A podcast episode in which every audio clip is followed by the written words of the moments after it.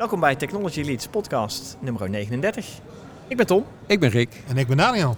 We zijn op de QX-dag vandaag en we hebben al een hele hoop leuke verhalen uh, uh, op het uh, programma zien staan. en we gaan vandaag een aantal van de sprekers ja, eens bevragen en eens even kijken wat voor leuke verhalen zij hebben verteld. En wat zij ons kunnen, kunnen gaan brengen.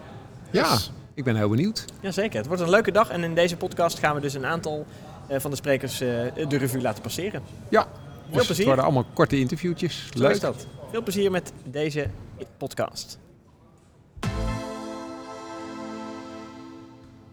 We staan op de QX-dag 2020. Uh, aan de tafel staat op dit moment... Peter Rombouts. Uh, nou, welkom. Leuk uh, je te zien op de QX-dag. Wat ga je doen vandaag? Ik ga een, een presentatie geven. Oké. En die doe ik over het onderhoudbaarheid maken van je software, van je code. Oké, oké. Het onderhoudbaar maken van je softwarecode. En uh, wat is de link naar, uh, naar kwaliteit uh, die we daar kunnen vinden? Nou, uiteraard, als je mijn sessie gaat zien straks, dan wordt alles uitgelegd. Maar ja, de, ja. Ehm, als we kijken naar de kwaliteitsstandaard, de ISO-standaard van kwaliteit, is een van de pijlers daarin is onderhoudbaarheid. Okay, en het idee is dat onderhoudbaarheid een drijver is voor andere uh, pijlers. Je hebt bijvoorbeeld een, um, een component zoals uh, performance of een component als uh, security. Het idee is als je code onderhoudbaar is, dan kun je ook makkelijker de performance aanpassen of verbeteren. Makkelijker je security op peil krijgen. Vandaar dat ik dat een heel belangrijk punt vind om aan mm -hmm. te halen. Ja, ja, ja, zeker. Nou, voor de luisteraars van deze podcast, die kunnen de opnames van de QX-dag volgens mij ook nog een deel terugzien. Dus ze kunnen ze jouw hele verhaal straks ook nog een keer gaan bekijken als ze dat willen. Ja. Om daar verder in te duiken. Uh, kun je nog een klein tipje van de sluier oplichten wat betreft onderhoudbaarheid van code? Misschien een paar tipjes van top drie tipjes van hoe houd je nou je code ja. on onderhoudbaar? Nou, als we kijken naar de, de, de, de, uitgangspunten, we gaan uit van een, van een, van een boekje wat ik, wat ik laat zien, Building Maintainable Software. Mm -hmm. En daarin staan eigenlijk tien principes, tien guidelines. Binnen SOST gebruiken wij deze ook. We zijn bezig om onze Cloud met een dataclub uh, te ontwikkelen en, en, en uh, te trainen in deze tien punten. En één daarvan is bijvoorbeeld um, schrijf korte units van code. Zorg dat je methodes en, en, en, en constructors en functies dus, dus kort zijn, maximaal x aantal regels. een ander is bijvoorbeeld de automatiseer je tests. Nou, als, als Society, uh, daar, daar zitten we op, hè, op testen. Dus um, het automatiseren van je testen is ook iets wat je eigenlijk moet, moet meenemen, zodat je code onderhoudbaarder wordt. Want het is testbaar, dus je kunt ook aantonen dat het meer onderhoudbaar is. Um, en, en Daarbij komt kijken dat ook wat tooling, die komt om de hoek. Uh, alleen daar is ook een blinde vlek die ik uiteraard in mijn sessie toelicht. Uh, maar ook wat tools die je in kan zetten om de code te, uh, te, te, te, scannen. En de onderhoudbaarheid daarvan te, te zien is, die op bod. Oké, dus dan heb je het vooral over meer over statische codeanalyse en de getallen of de waarden die daaruit komen die je dan om kunt zetten in uh, verbeteracties. Ja, en naast statische codeanalyse vind ik ja. nog veel belangrijker ja. de software composition analysis. Oké. en daarbij ja. gaan we kijken naar, uh, naar welke, welke componenten van je software gebruik je nou, welke libraries trekken naar binnen. Want ongeveer denk misschien 10, 20% van de code in een project bouw je zelf mm-hmm. en de rest trek je naar binnen. Frontenders kennen misschien jQuery of je hebt Angular of je hebt .NET. Allemaal frameworks die je gebruikt. Uh, al die code moet wel worden geüpdate en die moet wel up-to-date zijn. En dat is ook iets waar we dus met software composition analysis eigenlijk kunnen zorgen dat je inzicht krijgt in hoe up-to-date zijn mijn, mijn uh, packages en hoe up-to-date is mijn software. Ja, ja wat, wat de, de, de gewone consument die uh, regelmatig erop gewezen wordt dat als er een fout optreedt op je laptop, uh, dat de eerste vraag die gesteld is: heeft u de laatste versie uh, geüpdate van uw software, uh, van uw operating system? feitelijk gaat dat hier ook op, alleen dan heb je het meer over de libraries die je gebruikt om je applicatie mee te bouwen of ja. die, die, gebruikt worden in die applicatie. Inderdaad, en we zien nu ook bij scans die ik doe bij, bij klanten of op -hmm. verzoek van, van teams dat dat gewoon een blinde vlek is. Dat de ja. staatscodeanalyse, en daar staat bijna synoniem aan SonarCube, alhoewel er um, beter in andere pakketten zijn, maar ieder, ieder zijn smaak. Ja. Om, dit, om dit uit te voeren, is dat eigenlijk die, die, die software composition analysis, dat, dat iemand een library gebruikt van drie jaar oud met allemaal vulnerabilities, dat is gewoon niet eens bekend. Uh, en, en dat is echt, echt een blinde vlek die bij de meeste, de meeste recente hacks eigenlijk wel heeft. Dat, dat was de oorzaak, was het ja. niet updaten van Apache, het niet updaten van uh, Nginx uh, en dat soort componenten. Juist. Waardoor alle software was hartstikke robuust, maar door een gat in de library heb je gewoon een, een, echt een vet probleem. Oké. Okay. Okay. Ja. Peter, eh, jij, jij, jij blogt ook af en toe, je doet eh, trainingen die je geeft. Eh, hoe kunnen mensen, als ze hier nu naar jou luisteren, hoe kunnen ze jou bereiken? Hoe kunnen ze daarachter komen, achter die trainingen? Je hebt je eigen website volgens mij. Eh, uiteraard, uh, peterombouts.nl. Uh, daar is eigenlijk uh, de hub waar ik al deze, deze informatie plaats. Ook de Mhm. deck, het, uh, het deck van vandaag komt om half drie online als mijn sessie start. Cool. Um, die kan dus bekeken worden en op mijn contactpagina kan uh, van, van LinkedIn tot Society Labs, waar we allemaal lid van zijn. Ja. Uh, da daar bloggen we allemaal op. Eigenlijk via al die kanalen kunnen we zeg maar, uh, kunnen mensen contact opnemen om daar iets over te zoeken. Leuk, leuk, leuk, leuk, leuk. Nou, en la laatste, want ik vind eh, het laatste onderwerpje, ik vind het stuk test automation vind ik al, eh, altijd een heel mooi eh, topic. En natuurlijk ga je het daar ook over hebben. Ja. Ehm, nu, Klein beetje. Een klein beetje. Je had het nu over hè, onderhoudbaarheid van code en zo. Dus het voelt voor mij ook dat dat weer dicht bij de developer ligt. Meer bij de developer dan bij de test engineer misschien wel. Hoewel, ja, je kunt natuurlijk... Misschien moeten we tegenwoordig niet meer spreken over developers en test engineers. Nou, ik, vind, ik vind van niet, zeg Ja. maar. Ik vind dat het, uh, ik vind een ontwikkelaar die geen unit testen schrijft, is, die mag zichzelf geen professional ontwikkelaar noemen. Dus Ja, dat is, zijn dingen die je eigenlijk in een tandem hebt. En uiteraard kan ik van een test engineer niet verwachten dat hij alle Java of uh, Go of, uh, of C-sharp code kan Mhm. schrijven. Maar je moet elkaar hier wel aan helpen en hierin Juist. versterken. En dat is iets wat je nu ziet van, uh, we gooien het over de schutting heen. En de schutting heet nou, we hebben een DevOps team. En de schutting is gewoon wat lager, maar die schutting is nog steeds. En dat, Ja. vind, dat vind ik een van de, ik vind test automation een verantwoordelijkheid van het team. Ja. En door Mooi. al die pakketten en al die toolings die we, die we in kunnen zetten, kunnen we wel laten zien dat er iets moet gebeuren. Maar ik ga niet zeggen dat het voor developers, sterker nog, ik vind ook dat een product owner of een andere stakeholder naar de metrics mag kijken. Zolang ze die niet verkeerd interpreteren, Mhm. er iets, mag, iets, iets van mag vinden en iets mee mag doen. Ah, Oké, ja, mooi, mooi. Gaaf. Nou, eh, goeie, goed, goed besluit zeg maar, van, eh, van dit stukje. En ik ben nu al benieuwd naar je verhaal.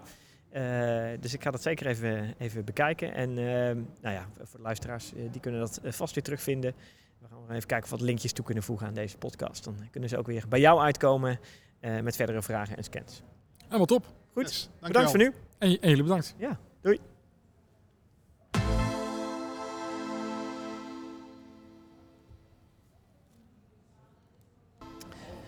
Welkom Sander Hogendorp. Doorn. Doren, sorry. Ja. Eh, je hebt, Wacht, eh, ga je me nooit vinden op internet natuurlijk. nee, nee, nee, nee. We moeten het natuurlijk wel goed, eh, goed noemen. En luid en duidelijk noemen. Ja, inderdaad. Doorn. Hogendoren. Ja. Welkom in onze podcast. Je hebt net ja, een keynote gedaan voor de QX-dag. Ja. En nou, daar heb je het over onder andere agile, over allerlei dingen eh, gehad. Ehm, eh, wat, is, wat is iets wat, eh, wat ook de luisteraars eh, zouden moeten, moeten horen van je, moeten weten? Nou, all my talks natuurlijk, hè. Wel, even Ja. Ze moeten al mijn platen kopen. Nee. Zeker. Ehm, nee, ja, goed, eh, ehm, ik denk dat mijn, mijn boodschap wat verder gaat dan de gemiddelde agile evangelist. Ehm, dat komt onder andere doordat ik dat al 25 jaar doe. Ja. Dus ik was al met agile aanpakken bezig voordat het Agile Manifest uitkwam. Toen heette het natuurlijk nog geen agile, maar kort iteratieve werkwijze Oké, ja. eh, in goed Nederlands. En, Mooi, ehm, mooi. Dus ik ben daar zo'n 25 jaar mee bezig. En ja, als je je blijft voortdurend ontwikkelen, dan op een gegeven moment ben je weer voorbij wat ik dan maar traditioneel agile noem. En, ehm, eh, en dat heb ik net vanochtend ook eh, aangestipt. Hè. Zo van jongens, dat ha- hartstikke leuk. En dingen als Scrum hè, was, was hartstikke leuk vroeger. Mhm. Dat is net als, ehm, ja, we noemen ze een dodo, zeg maar. Maar ehm, Een uitstervend ras, eh, uitstervend inderdaad. ras, nou, dat, dat weten de meeste mensen nog niet, maar dat gaat ook wel gebeuren. Kijk, Mhm. en, dat, en dat is niet erg, hè? Ik bedoel, Ik heb op zich niet zo heel veel tegen Scrum, wel wat ermee gebeurd is. Ja, ja, hoe het zich Ja, ontwikkeld is- heeft, zeg maar, bedoel je dan? Hoe wat, sorry? Hoe, hoe- je bedoelt dan meer hoe het zich ontwikkeld heeft naar het, eh, het hier en nu? Nou, meer hoe mensen gevonden hebben hoe je er geld mee kunt verdienen. Ah, oké. Ah, ja. We zijn natuurlijk overspoeld in de IT. Kijk, ik ben een diehard programmeur. Ik programmeur sinds mijn 14e, dat is 39 jaar. Mhm, mhm. Ik verdien er geloof ik ook al 35 jaar geld mee. En, en goed. En ehm, ehm, je ziet dat het vakgebied eh software development overspoeld is door mensen die eh, allemaal Scrum Master geworden zijn doordat ze twee dagen training eh, deden en een papiertje haalden. Of wat voor certificering dan ook, hè, want er zijn er best heel veel van. Ja. En ehm, totaal geen idee hebben waar ze het over hebben. Weet je. Ja. Als jij geschiedenis gestudeerd hebt en je moet een IT-project gaan coachen, ja, dan gaat het niet worden. Ja. Nee, ja, Maar ja, ja, is natuurlijk eh, voor degene die die certificeringen uitdelen, is daar goed geld in te verdienen. En eh, dus is het een certificeringsmachine geworden. En dat geldt ook voor dingen als SAFE bijvoorbeeld. En, Ja. eh, er zijn er nogal een paar. En ehm, dat doet eigenlijk af aan waar we heen zouden moeten met de wereld. Namelijk in steeds korter tijdbestek, steeds sneller, steeds meer oplevering. Mhm. Steeds kleinere stukjes. Ja, ja. En als je dat doet en je wordt daar handig in, dan zie je dat je... en waar we zeg maar, 20 jaar geleden de dingen uit waterval als ballast zagen en met z'n allen agile gingen doen, of Scrum of iets navenants, zie je dat je nu ehm, weer veel verder kunt en dat dingen die in Scrum zitten als ceremonies en ballast worden gezien. En die Ja. kun je dan weer overboord gooien, dan ben je een stukje verder. En dan ben je weer, weer wat sneller en weer wat... eh, eh, Kort eh, Ja, kortere feedback loops. Nou, Ja. daar moet je wel een hele hoop van regelen hebben. Uh, Mhm. Bijvoorbeeld alles automatiseren. Ja. Uh, Alles wat heel veel mensen nog met de hand zitten doen. En testen met een spreadsheet ernaast en invullen en vakjes invullen. En, en met de hand deployen naar productie en zo. Ja, dat kan niet meer. Dat is niet van deze tijd. Nee, nee. Nee. nee, Zeker niet als je echt die kortcyclische, eh kortcyclische ja, ja. releases wil gaan Ja. doen. En Ja. dan, als, ik dan, als je dan kijkt naar eh, wel, eh, eh, de, de wereld waarin wij leven. Hè. Ik zat net op een, op een podium met eh, de, de testmanager van, eh, van de RDW. Mhm, Ja, En, en ik sta van de RDW, maar die man heeft het over afdelingen. Ja. Wij, wij als testafdeling, en denk Ja, van ja, hef jezelf op. Ja. Dat is niet meer van deze tijd. ja. Je moet ontzettend crossfunctioneel zijn, want je hebt ook heel veel skills nodig om samen een product te kunnen opleveren. En of dat nou software is of niet, in het algemeen is het natuurlijk software tegenwoordig, maar daar heb je zo ontzettend veel skills voor nodig. Dat kun je niet meer doen als je allemaal in aparte afdelingjes zit. Nee, nee, dat, nee, was, want dat was 30 jaar geleden leuk, Ja. maar dat is het al lang niet meer. Nee. ja, ja, want dan definieer je namelijk ook expliciete rollen eh, eh, die je dan zou moeten hebben. Ja, hè? en eh, met, met overdrachten en, Ja. ehm, en allemaal hun eigen uh, uh, handleidingjes. En, uh, Exact, exact. Ja. generieke testmanifesten of wat Ja. ze allemaal mogen hebben. En de developers die het weer anders doen. Dat kan niet meer. Ja. Die tijd heb je gewoon niet. En Als je iedere vijf minuten iets naar productie wil brengen, Ja. dan kun je niet werken met een aparte testafdeling en een aparte Java-afdeling en een aparte Mhm. designafdeling en weet ik het allemaal. Ja, ik, ik vind het Dat, altijd... dat werkt voor het hele traditionele systeem wel leuk. Hè? Ik Ja, bedoel, ja, eh, ja, grote ja. oude moloche systemen, en die zijn er ook nog, hè, maar eh, ja, de- de- Ja. dat is niet mijn wereld. Nee, ja, wat, waar ik heel vaak moeite mee heb, is die trends die er allemaal zijn. Weet je. Elke, elke maand is er wel een nieuwe trend en dan hollen we met z'n allemaal die kant weer op. Weet je wel? Ja, Ja. Dat zie ik zo erg gebeuren de hele tijd, ook in, die, in die agile wereld, zeg maar. Met Was, er was gisteren Dat iemand echt- die, ehm, eh, gisteren iemand op Twitter die, eh, die stelde de vraag op Twitter van welk advies zou je eh, jonge developers meegeven? En eh, ik gaf daar als antwoord op don't believe the hype. En, Oh ja. eh, Ja. Dat geldt al mijn hele leven, zeg maar. En joh, kijk, eerst de kat even uit de boom, maar, eh, maar neem het wel mee. En, Ja. eh, je moet wel blijven leren. Ja, zeker. Je kan er ook van, van die hype dingen, alles kan je wat van leren natuurlijk. Maar Altijd. ja, altijd. het is... eh, Dat is ook een beetje mijn motto. Ik probeer gewoon iedere dag iets nieuws te leren. Nou ja, ja en, dat is wel eh, gaaf. wat heb ik vandaag geleerd? Nou, nog Ja. niks eigenlijk, geloof ik. Oké, oké. Nog niks, nog niks. Mm, Misschien nog nee, een... Wel eens kijken wat er de rest van de dag gaat gebeuren. Ja, ja nou, de, dag is nog niet voorbij. Hè? Dus, eh, dus dat, is, dat is mooi inderdaad. Nou, ik ben wel benieuwd, want eh, ik kom zelf eh, meer uit de, uit de high-tech omgeving. Dus Ja. waar wij we, ook in product development, waar ook vaak een fysieke component eh, Ja. ehm, ja, in, in productontwikkeling zit. Of dat nou een stuk een behuizing is, of een stuk elektronica, een Ja. printplaat, eh, Ja. eh, oh, dat soort zaken, zeg maar. En daar eh, wordt altijd mee geschermd eh, in die omgeving. Van ja, eh kortcyclisch ontwikkelen is allemaal hartstikke mooi. Maar we hebben altijd te maken met de lange termijn cycles van een printplaat ontwikkelen en die naar productie brengen, et cetera, et cetera. Nou ja, natuurlijk. Voor printplaten geldt dat wel. Maar ehm, Ja, maar waarom zouden we dat niet? Want ja, ik vind dan Ja, eigenlijk, waarom zouden we dat niet kortcyclischer kunnen gaan nou, doen? dat, dat hangt een beetje af van de, de kosten die ermee gepaard gaan om, om zo'n printplaat, om, om er eentje van te hebben, zeg maar. Ja, ja, oké, oké. Ik ja. werk overigens op dit moment voor een, een, een high-tech bedrijf. Die maken de slimme thermostaat Toon van Ah. Eco. Ja, oh, ja, de Ja, eh, En inderdaad. ja. ehm, eh, daar heb je natuurlijk, daar is ook hardwareontwikkeling. Zeker, dat gaat ja. inderdaad trager. Maar eh, bijvoorbeeld de software op de, op de toon, op de device, de embedded software, Ja. die wordt gewoon gepusht. Ja. En, ehm, die kun je in principe net zo vaak releasen als je maar wilt. Als je wil, ja. ja, Mits je natuurlijk zeker weet dat het het doet. Dat Ja. is natuurlijk, eh, Exact, exact. Nou, ik kan, ik kan me het juist gaat allemaal over die air. Mijn auto bijvoorbeeld, Ja, ik rijd een Tesla, ja, die krijgt ook een... die eh, update zichzelf gewoon voortdurend. Ja. En, bedoel, ja, zolang die maar in de buurt van wifi is, dan regelt hij het wel. Ja. ja. En eh, dat is ook hardware. Zeker, Ja, ze zeker, hebben zeker. Slim Ja. gedaan, hè? En dat ga je natuurlijk steeds meer zien, hè? Want eh, hardware met fysieke knoppen, zeg maar. Ja, hè? Ik heb daar eens over nagedacht. Hiervoor had ik een Audi, prachtige auto, oh, super auto. Maar ehm, ja, als je daar iets in wilde innoveren, dan missen ze knoppen op het dashboard. Fysieke knoppen. Ja. ja, ja, ja, Tesla ja. heeft geen fysieke knoppen. Nee, heeft scherm. een Heeft een scherm. een tablet erin. Ja, hangen. ja. En dat betekent als zij hun software vernieuwen, ehm, dan komen ze natuurlijk allemaal weer bij jullie langs natuurlijk. Maar, en, eh, Ja. maar ja, als ze een knop erbij willen maken, maak ze een knop bij. Ja, En, ehm, en daar is geen hardware meer. Nee. nee, klopt. Dus heel veel hardware wordt ook software. Dat geldt natuurlijk voor die, die toondisplays, die thermostaten natuurlijk ook, die hebben een scherm.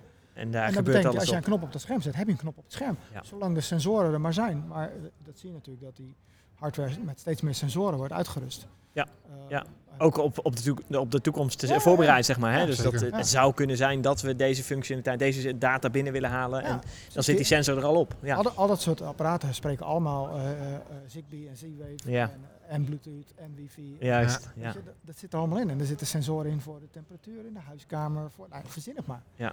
En ehm, eh, dat, heeft heel veel hardware, heeft dat tegenwoordig natuurlijk gewoon. Zodat je zeg maar, die, die plimpraat maar één keer hoeft te maken. Maar dat je daarna softwarematig de boel eh, veel verder brengt. Ja. Dus, daar heeft Tesla natuurlijk wel een rol in gespeeld. Ja. Die Ja. Ja, heeft zeker. natuurlijk heel veel zeker. bedrijven de ogen doen openen daarmee.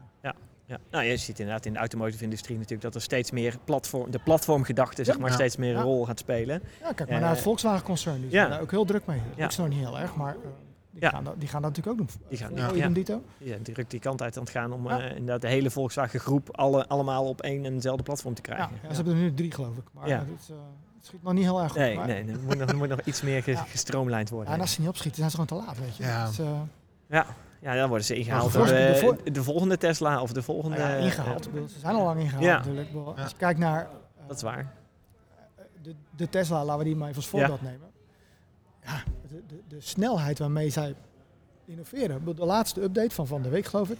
Nu herkent hij snelheidsborden langs de weg. Oh ja, En ja. dan heb je, moet je daar nou toch mee? Want hij weet toch gewoon de snelheid? Ja, hij weet de snelheid zolang het stabiel is. Maar op het moment dat je, zoals in Duitsland, dat ze om de, zo. om de 300 meter een, eh, een Bouwstellen is of zo. bouwstellen of een, eh, hebben ja, met eh, ja, in ja. één keer 80 en 60 en weet ik veel wat.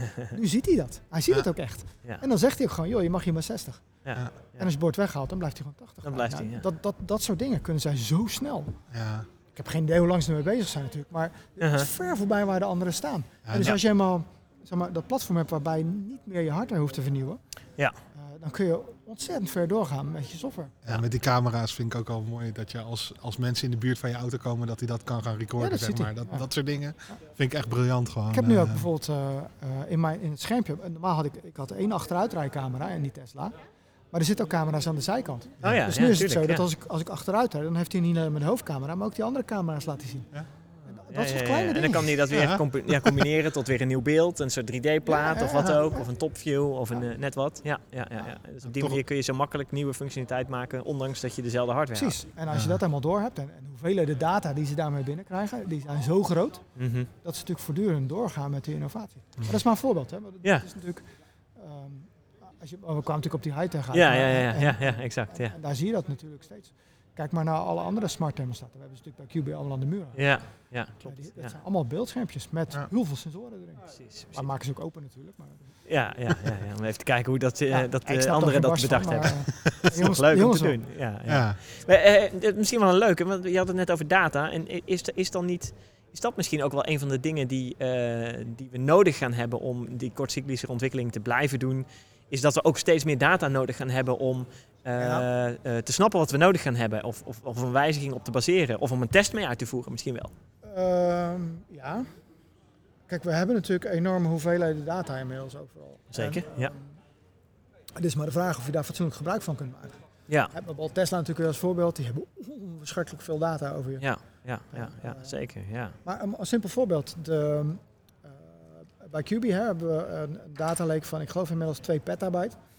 Omdat al die thermostaten die overal in huizen hangen, en dat zijn er bijna 400.000, Ja. Sturen allemaal de verbruiksinformatie van die huizen en de patronen in energieverbruik Ja, naar ja, een centrale database. En eh, de data scientists die minen daarin. En die kun, je Mhm. kunt bijvoorbeeld zien ehm, aan, aan je energieverbruik ehm, wanneer je je wasmachine aan hebt staan bijvoorbeeld.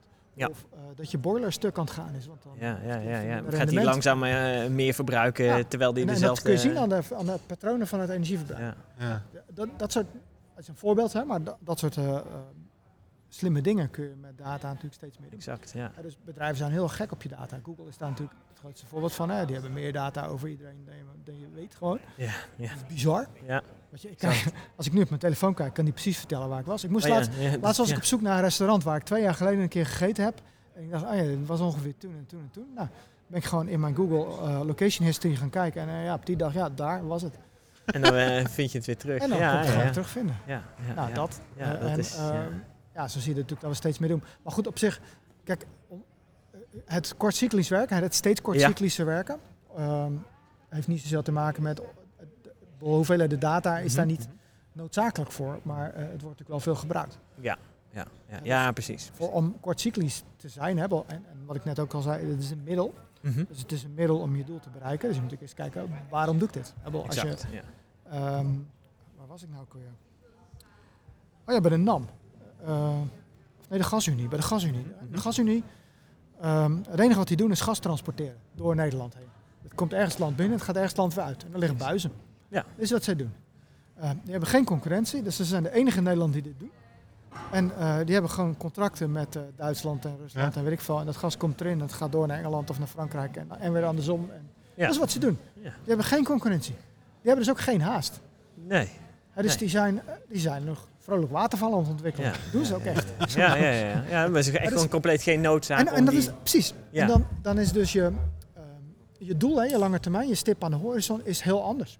Exact. Terwijl als je, eh nou, ja, als je QB bent, weer, eh, dan, eh, Heb je Google Dan- als concurrent? dan heb Dat je is Google als concurrent. ja, Dat is wel een ander verhaal. Nest. Nee, Nee. ja, dat, dat, is, is pas sinds een jaar of drie. Ja, Ja, en toen dat ding waar. uitkwam, toen krapte iedereen zich op de horen. Oké, en nu dan? ja, Ik bedoel, daar zit een totaal andere snelheid achter dan- wat wij met 150 slimme mensen kunnen doen. ja. Juist, juist, ja. Dus het is heel erg afhankelijk van waar zit je stip aan de horizon. Mhm, Kijk, als je nu een energiemaatschappij bent, en QB is onderdeel van Eneco, Ja, hè, maar ja, exact. al die grote energiemaatschappijen hebben best wel een uitdaging met na te denken over waar gaan wij over vijf jaar eh, Ja. ons mee bezighouden. Absoluut. Ja. Want energie uit de muur, ja, of je doet het zelf. Ja, ik heb, ik ja. heb sinds een maand zonnepanelen op mijn dak liggen. exact. Die hebben Dus- deze maand meer opgebracht dan ik verbruik.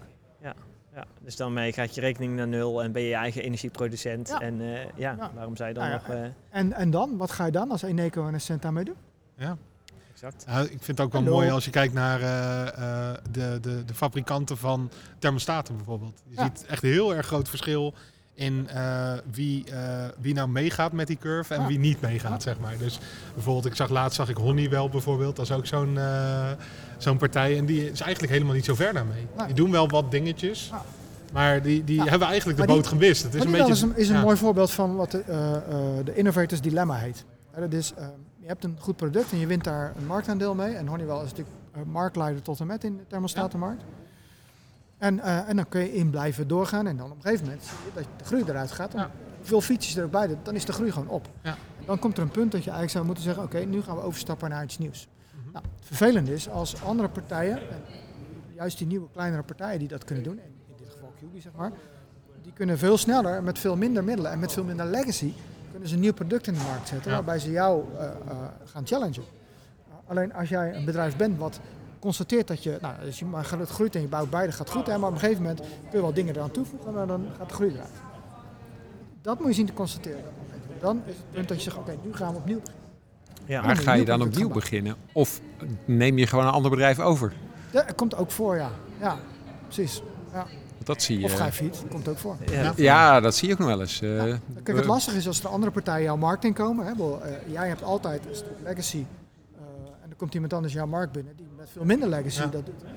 Ja, dan, dan zijn hun kosten navenant veel lager. En dan kunnen ze veel sneller. Nou, het doet me een beetje denken aan Kodak en zo met digitale Kodak is het, camera's eh, en is dat het soort dingen. Ja. Ja, Kodak Ja, ja, is ja. Kodak ja. is het default voorbeeld hiervan. Ja. Ja, hè? ja, ja, ja. Ja. dat is een hele goede kandidaat. Ja, inderdaad. Ja, het is ook een beetje wet van de remmende voorsprong natuurlijk. Als je niet Ja, die ja, net wat je zeker. zegt, die legacy niet hebt, Ja. eh, eh, Kun je veel heb sneller. ja, dan kun je veel sneller en veel wendbaarder ben je daarmee Ja. dus ook. Ja. Ja. ja, mooi. Goede inzichten. Leuk. Eh, we hebben eh, een mooi klein inzicht. Ondertussen is inderdaad Rick ook aan tafel eh, verschenen. Die- die, die, die nog heel even meepraten. die komt er ook even binnen. Ja, precies. precies. Sander, heb jij, heb jij nog eh, linkjes voor mensen die ze kunnen gebruiken voor, eh, Oh, voor meer informatie en dergelijke? Nou ja, want als je- super interessant. Ik ben redelijk makkelijk te vinden online.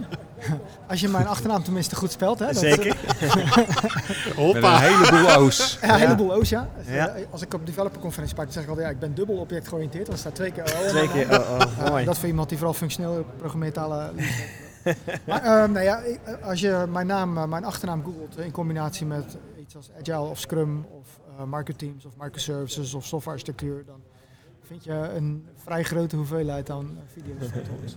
ik neem aan dat de talks van vandaag ook online beschikbaar komen? Of blijven die... Ja, Ja, zeker. De presentaties Ja. komen online. Ja, en die worden eh, zijn allemaal weer Top. terug te zien eh, allemaal. Dus jouw verhaal van vandaag eh, kunnen de luisteraars van deze podcast ook weer terug gaan kijken. Ja, ja, in twee Dus delen. Hartstikke leuk. Helemaal goed. Ja. Zo is dat. Vanavond nog het tweede deel. Ja, precies, Kijk, precies. Je komt nog een keer terug inderdaad. Nou, leuk. Super. Dank voor nu. En eh, nou, we gaan eh, kijken naar je verhaal van, eh, van vanavond ook. Yes. Dankjewel. Zei ik toch? Je kunt niet vijf minuten bij mij houden. Ik wil gewoon door.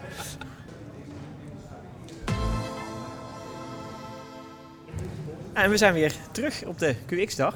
En eh, ondertussen eh, is eh, René weer aangeschoven. Zeker. na zijn optreden. in, in een vraaggesprek, onder andere met Rick, volgens mij. Ja, wij zaten samen met Sander Hoogdoorn op het podium. Eh, leuk vraaggesprek. En, eh, Zeker. eh, nou, wil ik gelijk van René eh, weten. Wat, eh, wat, eh, ja, wat heb je meegenomen eh, uit dat vraaggesprek? Ja, daar had ik beter van tevoren over kunnen nadenken. Surprise. eh, nou, wat is iets wat je onze luisteraars misschien eh, ook mee zou willen geven? ik vond de link wel het mooie tussen het vraaggesprek en eh, wat Sander Hogedoor daarvoor eh, vertelde. Ja, Waar Sander pleit voor steeds kortcyclischer, wat ik ook een goede ontwikkeling vind. ja. Maar de, de koppeling met, oké, dat doe je in een nieuw bedrijf heel snel, want dan begin je er gewoon mee. Ja, Versus een bestaand bedrijf, en dan denk je natuurlijk meteen aan EDW, wat al een tijdje bestaat. ja juist. Eh, en hoe maak je nou die omschakeling? En daar, daar, daar hebben we wel wat ideeën over gespuit. Sander heeft er ook wel wat ideeën over. Maar dat blijft wel een, een, een uitdaging om dat zo te doen dat je en eh, behoudt wat je hebt en voortgaat in een kortcyclische gebeuren. Ah, ja. En wat dan in mijn hoofd zit is van nou, de, de, de, de meerdere stromen die we binnen RW hebben zijn nog niet zo slecht. Hè? Dat je laat je, je teams je, hun eigen ontwikkelparadigma kiezen. Denk je, nou, dan kan de, de snelle stroom kan sneller snel. En Ja. de stroom die wat langzamer wil, nou, die wil misschien over een tijdje wel snel. Ja, precies. Oké, dus je wil- zeggen dat je dan stromen krijgt waarbij gewoon meerdere snelheden eigenlijk eh, eh, Ja, gebruikt waarbij, worden als het waarbij het acuut weer een probleem wordt en hoe sluit je die op elkaar aan. Maar Ja. dat eh, lossen we dan wel weer op. Ja, ja, ja, ja, ja. Nou ja, ja, ik kan me voorstellen dat als je juist verschillende snelheden stromen hebt, dat dat prettig is voor degenen die erin werken. Eh, en dat je inderdaad centraal ergens iets gaat organiseren zodat die aansluiting gemaakt wordt. Ja, precies. En, eh, en dan los je dat inderdaad wel op eh, ergens anders. Of je de teams niet mee te vermoeien in ieder geval. Ja, misschien moet je erbij betrekken van hoe gaan we dit doen. Maar dat, eh, Ja, ja. ja oké. oké. Nou, wel een leuke, ja, een, een goede boodschap. Ik vind het een goede boodschap. En, en Rick, wat, eh, wat is jouw, eh, jouw boodschap misschien eh, nadat je dit vraaggesprek gedaan hebt? Nou, ik, ik, zat vooral ook nog even na te denken eh, over eh, Sander Hogendoorn, die toch op een interessante manier vertelde van eh, je moet het zo doen, hè, we doen geen projecten meer. En, ehm, en ik dan denk, ja, maar er zijn heel veel organisaties die niet die stap in één dag kunnen maken. En, en je moet dus ook nadenken over hoe gaan we daar uiteindelijk komen. en, en ik denk dat dat voor heel veel bedrijven en, en andere organisaties de grote uitdaging van de komende tijd is. Ehm, wat ik trouwens ook wel een boeiende opmerking vond, was het feit dat eh, Scrum eigenlijk langzamerhand wel ouderwets is. Eh, want dat is ook al meer dan 20 jaar oud. Ja, Dan denk ik, nou, er zijn nog steeds heel veel bedrijven die bezig zijn met het implementeren. Die beginnen dat is net. die net beginnen. Ja, tuurlijk. Ja. Ja. Maar die is die je noemde zeker. En, en waar ligt dan ook de, de trigger daarvoor? Hè? Komt vanuit de IT het idee van nou, we gaan nu met z'n allen inclusief business iets doen. Of moet het vanuit de business komen? En hoe integreer je dat dan? Nou, dat is Ja. een puzzel die nog bij heel veel bedrijven speelt. Ja. En hoe gaan we dat met z'n allen een beetje goed, eh, goed aanpakken? En misschien is het ook nog. Hè, Scrum eh, is al heel oud en nog niet overal ingevoerd, hè, wat je nu, zegt. En als je dan ook nog luistert naar dat verhaal van inderdaad eh, dat alles steeds kortcyclischer zou Ja. moeten gaan. Maar dat betekent per definitie dat er gewoon nog heel veel bedrijven zijn die nog op een oudere manier, of een ouder, op hun manier, laat ik het zo zeggen, productontwikkeling doen. En die misschien ook nog wel past bij ze. Ja, en dat, dat zou wel kunnen betekenen natuurlijk dat bepaalde dingen dat het een beetje scheef gaat lopen met betrekking tot dat je misschien wel te ver achter raakt, zeg maar. Ja, Als je die ervaringen ja. niet opdoet, zeg maar. Want je, ik, ik kan me best wel voorstellen dat voor nu in ieder geval dat het nog prima kan. op Ja, deze oké. manier. Ja, ja, ja. ja. Maar misschien dat het op, in de toekomst gaat het natuurlijk veel, eh, veel lastiger worden dan om, om toch nog bij te blijven. Want als je die ervaring niet opdoet van het kortcyclische werken, Ja. dan wordt die, die gap wordt alleen maar groter zeg maar, naar de toekomst toe. Van, ja, ook van de werkervaring van mensen en dergelijke. Nou, zou die ook andersom kunnen zijn? Je zou misschien heel bewust kunnen kiezen van joh, we doen het nog even niet. Mhm. En nu komt straks eh, Scrum nieuw, nieuw, nieuw, zeg maar. Hè? Want Scrum is hartstikke ouderwets, hebben we net gehoord. ja. En dan stap je over. Dan laat je dus alle scrummende bedrijven ook vraagt die. Hè? De wet van de remmende voorsprong, hop, die blijven achter. En jij maakt in één keer die overstap. Maar- maar Geen zou- idee of het kan? Zou je dan niet al willen trainen op überhaupt dat mensen weten wat daar gebeurt, zeg maar? Want het is natuurlijk ook heel handig om die ervaringen weer mee te nemen in het vervolg. Want dan weet je ook weer van andere ja, projecten hoe dat gegaan is. Ja, best practices, ja. dat soort dingen allemaal. Ja, dat, Ik denk dat, dat, dat is denk ik de vraag. Sander had een mooi plaatje van hè, dat evolutieplaatje van een aap naar een mens die steeds rechterop loopt. En daar had hij waterval, DSDM, RUP, had hij er allemaal in geplaatst. De vraag is natuurlijk, heb je al die tussenstapjes nodig om in zijn plaatje uiteindelijk bij Scrum uit te komen? Of kan je van waterval in één keer naar Scrum? Nou, kan best denk ik. Kun je dan van Scrum in één keer, of misschien zelfs van waterval, in één keer naar Next Scrum, zeg maar. Ja. Misschien wel. Ja, Ja. Maar misschien ook niet. En dan zit je meer op, ja, wil je, hè, wat jij net zegt, eh, Daniel, van, wil je mensen daar vast rijp voor maken? Ja. Misschien wel. Misschien. Ik, kan me inderdaad wel, ja, ik kan me inderdaad wel voorstellen dat je soms juist een grote stap wil maken om, nou ja, net, net wat je zegt, wet van de remmende voorsprong, om, om eh, een, aan, een stuk ballast zeg maar niet mee te nemen. Want ja. ook Scrum zal weer ballast met zich meebrengen, Ja. die voor de, ja, wat na Scrum komt, eh, wat we misschien nog niet eens weten, eh, om dat in één keer goed te gaan doen. Eh, ja, hoe meer van dat soort ervaringen je hebt, hoe misschien wel lastiger of langzamer je dat dan in kunt voeren. Dus ja, de- maar goed, ja, toekomst zal het uitwijzen dan. eh, Genoeg hoe om over na te denken. ja, ja. Zeker, zeker. Inderdaad, inderdaad. Oké. Ehm, eh, zijn er nog andere dingen die we mee moeten nemen in, eh, eh, in dit verhaal? Of moeten ze gewoon eh, eh, de, de, opname, de opname terugkijken? hè, Precies, gewoon de opname wel. terugkijken. En dan, Ja. eh, dan krijg je alle details mee. Oké, Zeker. top. Nou, dank René. Leuk om hier geweest te zijn, jongens. Eh, Ja, dank voor de uitnodiging. En, Graag succes met de podcast. Jazeker. Oké, tot je. ziens. Hoi. We hebben weer een nieuwe gast in ons midden. Onno Wierbos eh, staat bij ons aan tafel eh, eh, bij, de, bij de Technology Leads podcast. Jij hebt een verhaal gehouden of gaat nog een verhaal houden? Ik heb net zo, zojuist heb ik in de live uitzending gezeten in de track over performance engineering. Oké, ja. Eh, en dat hebben we net afgerond. Dat was hartstikke leuk. Precies, precies, inderdaad. En ja, performance engineering, dat, dat is natuurlijk een, mooie term. Maar wat, wat moeten onze luisteraars daarvan meenemen, zeg maar? Wat, wat kun je die, in het kort die, onze luisteraars vertellen erover? Nou, ik, ik denk in de basis hè, van eh, als je het over eh, performance hebt, waar gaat het dan over? Dat is gewoon de snelheid waarin, eh, waarmee een gebruiker systeem kan gebruiken. Maar ook in relatie tot de capaciteit van de systemen, want je wilt het ook met heel veel gebruikers tegelijk snel kunnen gebruiken. En wat wij binnen de Nederlandse spoorwegen nog aan toevallen, eh, voegen, is ook de hoge beschikbaarheid van systemen. En vaak zijn dat de drie dingen die we zeg maar, in één adem noemen en ook gaan, gaan doen. Eh, en ik denk als eh, de gebruikers eh, heel goed onthouden dat dat performance testen inhoudt en performance engineering, dan is dat de basis. En tijdens de sessie zojuist hebben we uitgelegd met z'n drieën eigenlijk wat de actuele stand van zaken is rond het thema en wat de evolutie is van de afgelopen tien jaar. Ja, mooi, mooi. En ja, hoge, hoge performance, hoge beschikbaarheid bij de NS. Dan denk ik niet alleen aan de software die beschikbaar moet zijn, maar ja, de NS heeft natuurlijk ook een hele hoop, althans misschien niet de NS zelf, een hoop rijdend materieel. Maar er is natuurlijk een flink wat interactie met eh, ja, de, trein zelf of het spoor of eh, eh, alles eromheen, zeg maar. Wat ook hoog beschikbaar moet Mhm. zijn. Is dat ook, hoort dat ook bij, eh, ja, bij, je- bij je vakgebied, zeg maar, bij je, bij je Ehm, scope? Eigenlijk wat je ziet is dat het, het, het treintechnologiedomein, dan heb je eigenlijk het, het over het OT-domein, operationele technologie, Ja. en het IT-domein, dat zie je naar elkaar toe groeien. Exact. Ehm, op het gebied van performance zie ik daar nog niet zo heel erg veel activiteit. Ik weet ook niet of dat, dat nodig is, maar je ziet het heel sterk in de hoek van de cyberveiligheid. Ehm, Oh ja. Waar vroeger eh, in de hoek van cyberveiligheid de nadruk heel erg sterk lag op IT. Hè, bijvoorbeeld NS.nl ervoor zorgen dat de DDoS-aanvallers eh, ons niet konden, konden bereiken. Eh, zie je nou dat het aandachtsgebied, het, het, het zwaartepunt van de aandacht, verschuift naar het OT-domein, de treintechnologie. Ja. Eh, tegelijkertijd zie je dat in die hoek, hè, dat, dat je daar, ja, achterstand klinkt wat negatief, hè, maar ook nog wel wat moet doen om, om dat op orde te krijgen. Eh, dus daar vindt heel veel eh, plaats momenteel.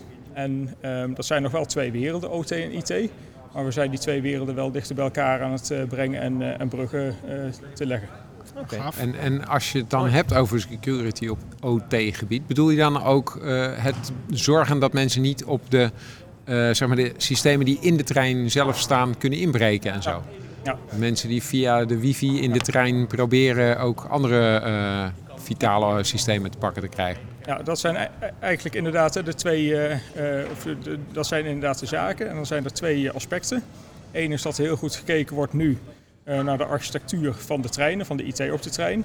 En dat heel duidelijk en expliciet eh, security zones worden aangelegd in die trein.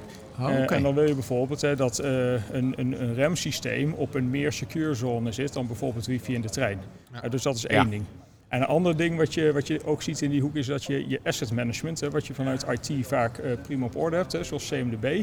Dat is in operationele technologie nog niet altijd vanzelfsprekend. Hè, soms heb je verschillende treinstellen rondrijden waarvan je niet altijd zeker weet wat de configuratie is. En dat is echt key, hè, dat je weet wat je assets zijn en welke versies dat rondrijden op het moment dat je het hebt over eh, security. Oh, oké. Ja. Ja, het is volgens mij niet alleen security, maar ook een stuk onderhoud en, en dat soort zaken. Die wil je, daarvan wil je ook weten, eh, een stuk asset management heel goed op orde hebben. Zodat je niet alleen weet welke hardwareversies je hebt, Ja. maar ook welke softwareversies eh, eh, in, die, in die stukken hardware draaien. Eh, om ja, uiteindelijk precies. Want ik kan me voorstellen dat bij de NS de, de, de fysieke hardware, dat dat nog wel in kaart is. Hè, van welke wielen zitten onder welk treinstel. Maar juist die koppeling met die software. En het wordt natuurlijk ook steeds meer software. Mhm. Ehm, dat is inderdaad wel een lastig. En dat haakt ook een beetje aan waar we het toen straks met eh, René Tuinhout van RDW over hadden. Met ook bij auto's is het ook de vraag van welke versie van de software heeft hij en heeft hij wel de meest up-to-date versie. Ja. Dat, dat, En, Ja. en, en, bijvoorbeeld ook, hè, op het moment dat je een datacenter hebt en je gaat patchen, eh, dan doe je dat op, eh, op een bepaalde patchdag. Nou, bij eh, rijdend materieel, Mhm. wat je eigenlijk kunt zien als een soort van rijdend datacenter, heb je misschien niet altijd je verbinding met je eh, materieel Nee. te pakken. Oké. Ehm, en, en hoe weet je dan zeker hè, dat je trein met de juiste patches eh rijden? Exact. Ja. want er kunnen zomaar treinen rondrijden, inderdaad, die dan nog niet gepatcht zijn. eh, Ja. Tussen de treinen die dat wel zijn. En Ja. ook die moeten natuurlijk goed met elkaar kunnen communiceren. Absoluut, In het eh, kader van veiligheid en, eh, en de juiste informatie uitwisselen. zeker. Eh, zijn jullie dan ook, want daar ben ik ook gelijk geïnteresseerd in eh, eh, eh, de, de testomgevingen. Want als er stukken hardware, OT Mhm. eh, eh, en IT samenkomen, dan worden testomgevingen altijd een stuk interessanter. Omdat we, ja, misschien heb je niet fysieke testomgevingen waar je op kunt testen. Eh, wordt daar veel gevirtualiseerd al op dat vlak? Ehm, er wordt ook gevirtualiseerd, maar het is ook zo dat wij eh, testmuren hebben, laboratoriumopstellingen eh, binnen de Nederlandse spoorwegen. En daar staat eigenlijk alle IT staat daar opgesteld om ook fysiek te kunnen testen. Dus dat betekent dat we bijvoorbeeld nou, ehm, eh, frontcamera's, hè, eh, camera's die eh, continu filmen wat er voor de trein gebeurt. Hè, in geval van, van, van, van uitval naar aanleiding van incidenten op het spoor kan dat Mhm. belangrijk zijn. Ehm, dat wordt getest in een, in een, in een labopstelling. Oké, ja. En dat zijn de activiteiten die dan doorgaans bij, het, bij de IT-club van NS eh, plaatsvinden. Tegelijkertijd hebben wij in de werkplaats hebben we ook testtreinen. Die rijden ook door het land of staan Ja. in een materieelhok opgesteld. Op die plaats wordt ook eh, getest. En eh, vaak op die plek zie je dan eh, de, de combinatie IT- en techniekdomein sterk bij elkaar komen. Ja, ja, ja. ja, dus dan ga je de integratie echt uitvoeren op zo'n testtrein. Dan wel stilstaand of rijdend. Oké, oké. En het grappige wat, je daar, wat ik daarbij bij nu verzin is... ehm, het testen is bij, binnen NS ondergebracht in het testcompetecenter. Mhm. En vanuit het techniekdomein eh, is ongeveer in dezelfde periode als het uh, is het treinentestcentrum ontstaan. Hè, dus je hebt TCC en TTC. En hoe mooi zou het zijn hè, als over een paar jaar, een jaar of twee misschien... eh, dat eh, fuseert tot Ja. één testclub. Ja, natuurlijk. Ja. dat Want zou inderdaad een hele mooie zijn. Het TC. Het Ja. testcentrum. Het ja, testcentrum. Ja, ja, ja, ja. Ja. ja, want ja, ik denk dat je helemaal gelijk hebt. Als je zegt dat IT, OT samenkomen. Eh, we, hebben eh, ondertussen ook een paar andere gasten gesproken. En je ziet dat ook die spreken steeds meer over eh, de integratie van IT en OT-wereld. eh, die ervoor zorgt dat dingen complexer worden. Ja. Want we hebben niet meer alleen maar met het IT-domein te maken of het OT-domein. En de, de combinatie van die twee dingen maakt het automatisch complexer. Mhm. Waardoor je testactiviteiten ehm, ja, misschien wel vergroten, kan ik me voorstellen. Dan kan ik me dus ook voorstellen dat je dat samen wil brengen om ja, zo goed mogelijk dat, eh, Ja. eh, eh, ja, dat nog te kunnen managen. Het wordt uiteindelijk beter, maar ik denk ook Ja. heel veel leuker. Ja, dat, Ja. dat ben ik met je eens. Dat ben ik helemaal met je Het, eens. het vakgebied verbreedt steeds verder. En, en, Ja. en ik, hè, ik, ik mocht een keertje meekijken bij eh, jullie eh, bij het IT-testcentrum. Eh, waar inderdaad die spullen op de trein staan. En het is ook gewoon heel boeiend om te zien. Hè? Dat, dat je gewoon in een kantoorkamer zit, maar je hoort Mhm. wel de omroepinstallatie vertellen wat het volgende station is. En, eh, Heerlijk, ja. ja, Mooi zeg. en, eh, ja, dat zijn eh, toch wel eh, dingen die het vak leuk maken. Absoluut. Mooi. Mooi zo, mooi zo. Nou, een leuke boodschap dat het alleen maar leuker wordt, eh, eh, het Mhm. testen. Dat vind ik wel een goede, eh, Ja. een goede boodschap om, eh, om mee te nemen, toch? Zeker. Zonder meer. Oké. Nou, wil ik je bedanken voor eh, de, een kort inzicht in, eh, in je verhaal. Eh, de rest van het verhaal moeten de luisteraars maar lekker terugkijken natuurlijk op de QX-dag eh, website. Ja. Eh, Ja. En dan horen ze je hele verhaal en de hele discussie ook die, eh, die daaromtrent gaande was eh, allemaal. Nou, jullie bedankt voor de gastvrijheid en eh, tot ziens. Zeker. Ja, Tot ziens. Dankjewel Tot ziens. Onno. Welkom Bart Enkelaar. Leuk dat je ook bij ons eh, aan wil schuiven in de podcast. Je hebt eh, net eh, eh, op het podium eh, eh, aanwezig geweest. Ja. En eh, we zagen al gelijk een hele leuke eh, outro eh, met je band eh, eh, op het Yes, podium ja, dat was een mooie verrassing. Ja. nou, heel goed dat we zelfs bandleden hier gewoon eh, eh, Ja. aanwezig hebben, toch? de, de Green Hill Travelers. ja, ja ik, ik zing in een eh, Ierse folkband eh, waarin we regelmatig in pubs, nou ja, met corona niet zo regelmatig meer, Nee. maar eh, pubs en eh, folkfestivals en zo optreden. En we hebben daar eh, ja, dus een mooi filmpje gemaakt van St. Patrick's Day natuurlijk, Ierse, Ah. Ierse folk. Ja. En eh, die hadden ze op het podium gezet. Eh, ik geloof dat jij iemand getipt had, eh, Rick. eh. Ja, Leuk. ja. Maar dat was, eh, dat was inderdaad leuk. eh. Ja. Maar dat was verder niet waar je hierover kwam Nee. vertellen, geloof ik. Nee, nee, nee, nee, nee, nee, nee, inderdaad. Wat, waar heb je het net over gehad? Ja, nou, ehm, ik, eh, zowel op het eh, hoofdpodium hebben we natuurlijk een gesprekje gehad als in de breakout sessie Ja. heb ik een praatje gehouden over site reliability engineering. Oké. En eh, dat is in principe een eh, manier van DevOps doen eigenlijk. En het is de manier die, die Google eh, ontwikkeld heeft, zeg maar, in hoe zij Google.com en andere eh, systemen ondersteunen, hebben zij best practices voor DevOps eh, gecreëerd. En dat hebben ze gepubliceerd in een aantal boeken en workshops en nou, een hele hoop beschikbaar. En wij zijn in ieder geval, ik ben fan bij bol.com en eh, steeds meer mensen. Oké, oké, oké. Wat cool, wat cool. Oké, dus jullie zijn er ook druk mee bezig om dat eh, te gebruiken al en uit, Ja. verder uit te rollen? Ja, Eh, hoe moet ik dat zien? Ja, ja nou ja, ehm, zo rond 2016 heeft Google het gepubliceerd. En eigenlijk dat jaar al waren er een paar mensen bij eh bol.com die dachten van, hé, hey, dit is interessant. Maar pas vanaf 2018 zijn er meer individuen die het meer en meer opgepakt en meer en meer gaan toe gaan passen. En eigenlijk sinds halverwege 2019 zijn we echt eh, actief op zoek naar van oké, hoe kunnen we dit nou op zo'n manier bij bol.com inbouwen dat dit eh, ons eh, waarde gaat opleveren. Oké. Oké. Oh, cool. cool. Ah, wat goed. Ja, dat is natuurlijk een hele discussie eh, eh, volgens mij net eh, langs te komen, toch Rick? In, de, in een van de sessies eh, van de QX-dag. Ja, zeker. Eh, en ehm, ja, dan ben ik wel benieuwd. eh, site Reliability Engineering, wat eh manier van DevOps.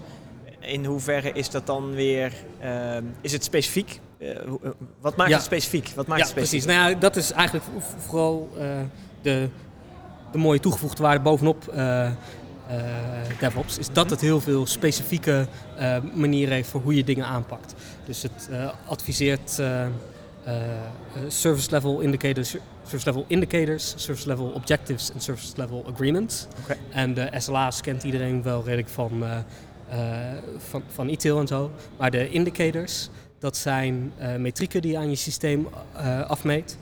Ehm, die correleren met eh, gebruikersgeluk. En door die op die metrieken te sturen, krijg je echt dat je die traditioneel conflicterende eh, stimulansen voor eh, eh, stabiliteit en innovatiesnelheid, eh, die buig je dan weer om, zodat ze allebei mikken op dat gebruikersgeluk. Ah, Ja, ja, dus het geluk van de gebruiker is niet alleen maar stabiliteit of alleen maar innovatie, nieuwe Nee. dingen. Maar juist de combinatie van zo optimaal mogelijk snel nieuwe dingen kunnen doen. Ja, precies. En, En, en toch nog betrouwbaar. ja, ja, ja, ja, inderdaad. En, en het specifieke komt dan in dat, zeg maar, hoe eh, je dat doet. Daar zijn hele heldere richtlijnen voor eigenlijk, zeg Oké. maar. En hele, hele, hele concrete trainingen. Dus een, een Coursera eh, training, die heet volgens mij Implementing SLO's. Die is hartstikke goed. Oké, oh, cool. Oh, grappig. Ah, dat Oké, zeker even leuk. opzoeken. ja, Inderdaad, ja. ja. Maar ehm, is dat dan ook dat je bijvoorbeeld eh, Net Promoter Score, dat je dat soort dingen meeneemt en dergelijke? Hoe, hoe, hoe wordt Ja. het allemaal gemeten, zeg maar? Dat Ja. is een beetje... Nou ja, inderdaad. eh, en, en dat is ook eh, een- goede vraag. En ook, ook iets waar we bij, bij eh Bob.com nog een beetje moeite mee hebben. Want als je optimaal je gebruikersgeluk meet, dan zou je daar haast een volledige KPI voor kunnen hebben voor het leveren van waarde. Mhm. Maar met SRE proberen we wel echt te focussen op die balans tussen innovatie en, ehm, eh, en, en stabiliteit. En of, we meten natuurlijk NPS, dat is Ja. echt een van onze belangrijkste eh, metrieken bij bol.com. Iedere maand hebben we een grote NPS share meeting. Ah, Ja. 55! zeg ik zo. Super mooi. ja, ja, vind ik ook best cool. Ja, Ja, ja, is het ook. zeker. En, eh, eh, maar dus, we zijn nog niet er helemaal uit voor hoeveel eh, je nog aan eh, functionele KPI's nodig hebt naast je, je SLI's die je gebruikt om die balans eh, te Ja, sturen. precies. Oh ja, ja. oké. dus het is ook nog steeds in, in onderzoek eigenlijk. Of in, tenminste, hè, Absoluut. je, je bent nog steeds aan, zelf ook nog aan het leren Ja. eh, hoe die, die, die meting te doen en Ja. De, ja, Ja. de juiste waarde in te schatten. En, en misschien nog wel andere metingen te moeten gaan doen. Ja. eh, om ja, tot nog betere, wel tot nog beter gebruikersgeluk te komen. Toch? Precies, ja, en uiteindelijk is dat het doel. En het is ook wel, wel leuk, want we krijgen best wel goede ondersteuning van, eh, van Google. Eh, Google heeft dan Customer Reliability Engineers. Want zij zeggen, weet je, wij bouwen platformen voor software. Dus eigenlijk leveren ons, levert onze software levert geen waarde als onze gebruikers niet op de juiste manier zorgen dat het bij hun gebruikers komt. Ja, ja, ja, ja. En- de gebruiker van de gebruiker. Precies, En- ja, precies. ja, dus ja, op die ja, manier is, gaat die schakel helemaal terug naar de Google Cloud. Van Gaaf. wat moeten zij leveren zodat onze gebruikers eh, de juiste waarde Ja. krijgen.